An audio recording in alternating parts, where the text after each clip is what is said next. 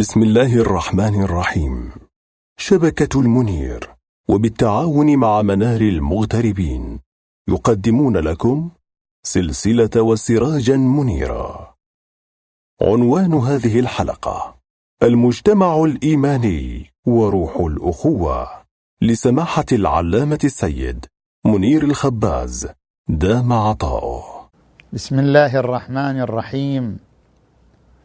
يا أيها الذين آمنوا اجتنبوا كثيرا من الظن إن بعض الظن إثم.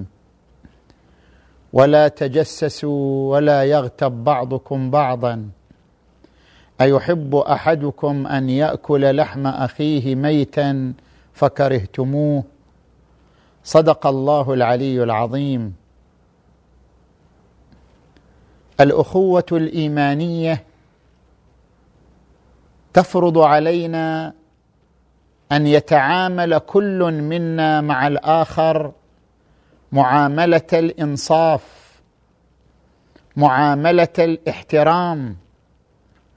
ومعاملة الإنصاف والإحترام تعني عدة مبادئ قرآنية مهمة حسن الظن عدم التجسس عدم الغيبة عدم نشر أي لون وأي نوع مما يوهن أو يسقط حرمة الشخص. يمر مجتمعنا الايماني بظواهر تتنافى مع روح الأخوة تتنافى مع هذه المبادئ القرآنية التي هي مبادئ كرامة الإنسان المسلم وحرمة الإنسان المسلم. نتيجة توفر وسائل التواصل متى ما التقطنا صورة لشخص معين نشرناها بالتعليق بالتذييل وقد لا تكون صورة لائقة متى ما وجدنا مقطعا لشخص سواء كان مقطعا حركيا عمليا أو مقطعا صوتيا علقنا عليه.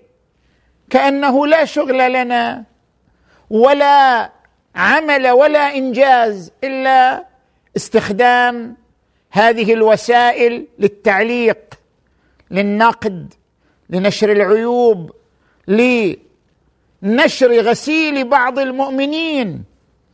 وهذه جريمة كبيرة تتنافى وجها لوجه وتتصادم وجها لوجه مع المبادئ القرآنية التي ذكرناها.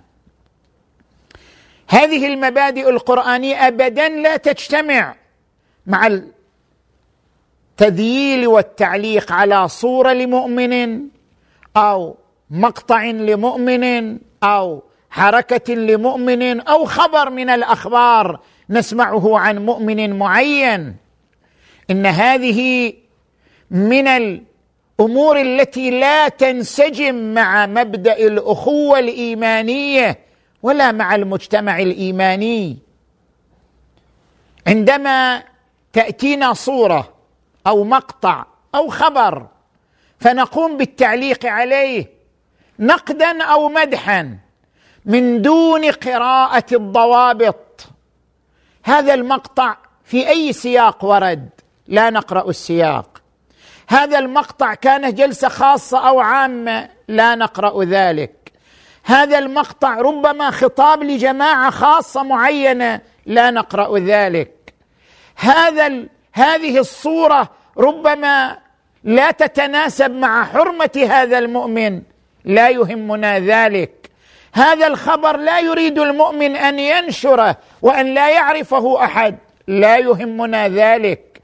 المهم أن نشبع حاجة كامنة في أنفسنا وهي التعليق.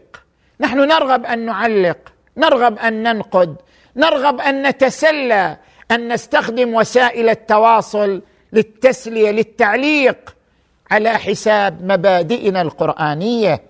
على حساب حرمات المؤمنين على حساب كرامة المؤمنين. من هنا عندما نرتكب هذه الأخطاء نحن اولا هدمنا مبدأ حسن الظن. ثانيا هدمنا مبدأ حرمة التجسس وتتبع العيوب. ثالثا هدمنا مبدأ حرمة الغيبة. رابعا هدمنا مبدأ احترام الإنسان في خصوصياته الشخصية لأجل ذلك.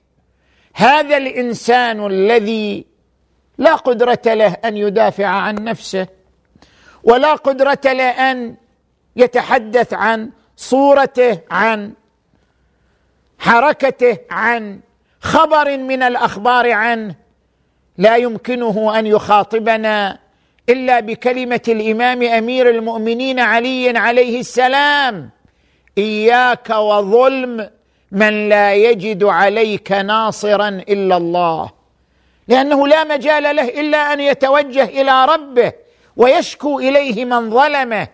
إياك وظلم من لا يجد عليك ناصرا إلا الله. تعالى نسأل الله تبارك وتعالى أن يبصرنا بعيوبنا وأخطائنا وأن يجعلنا من الهادين المهديين والحمد لله رب العالمين.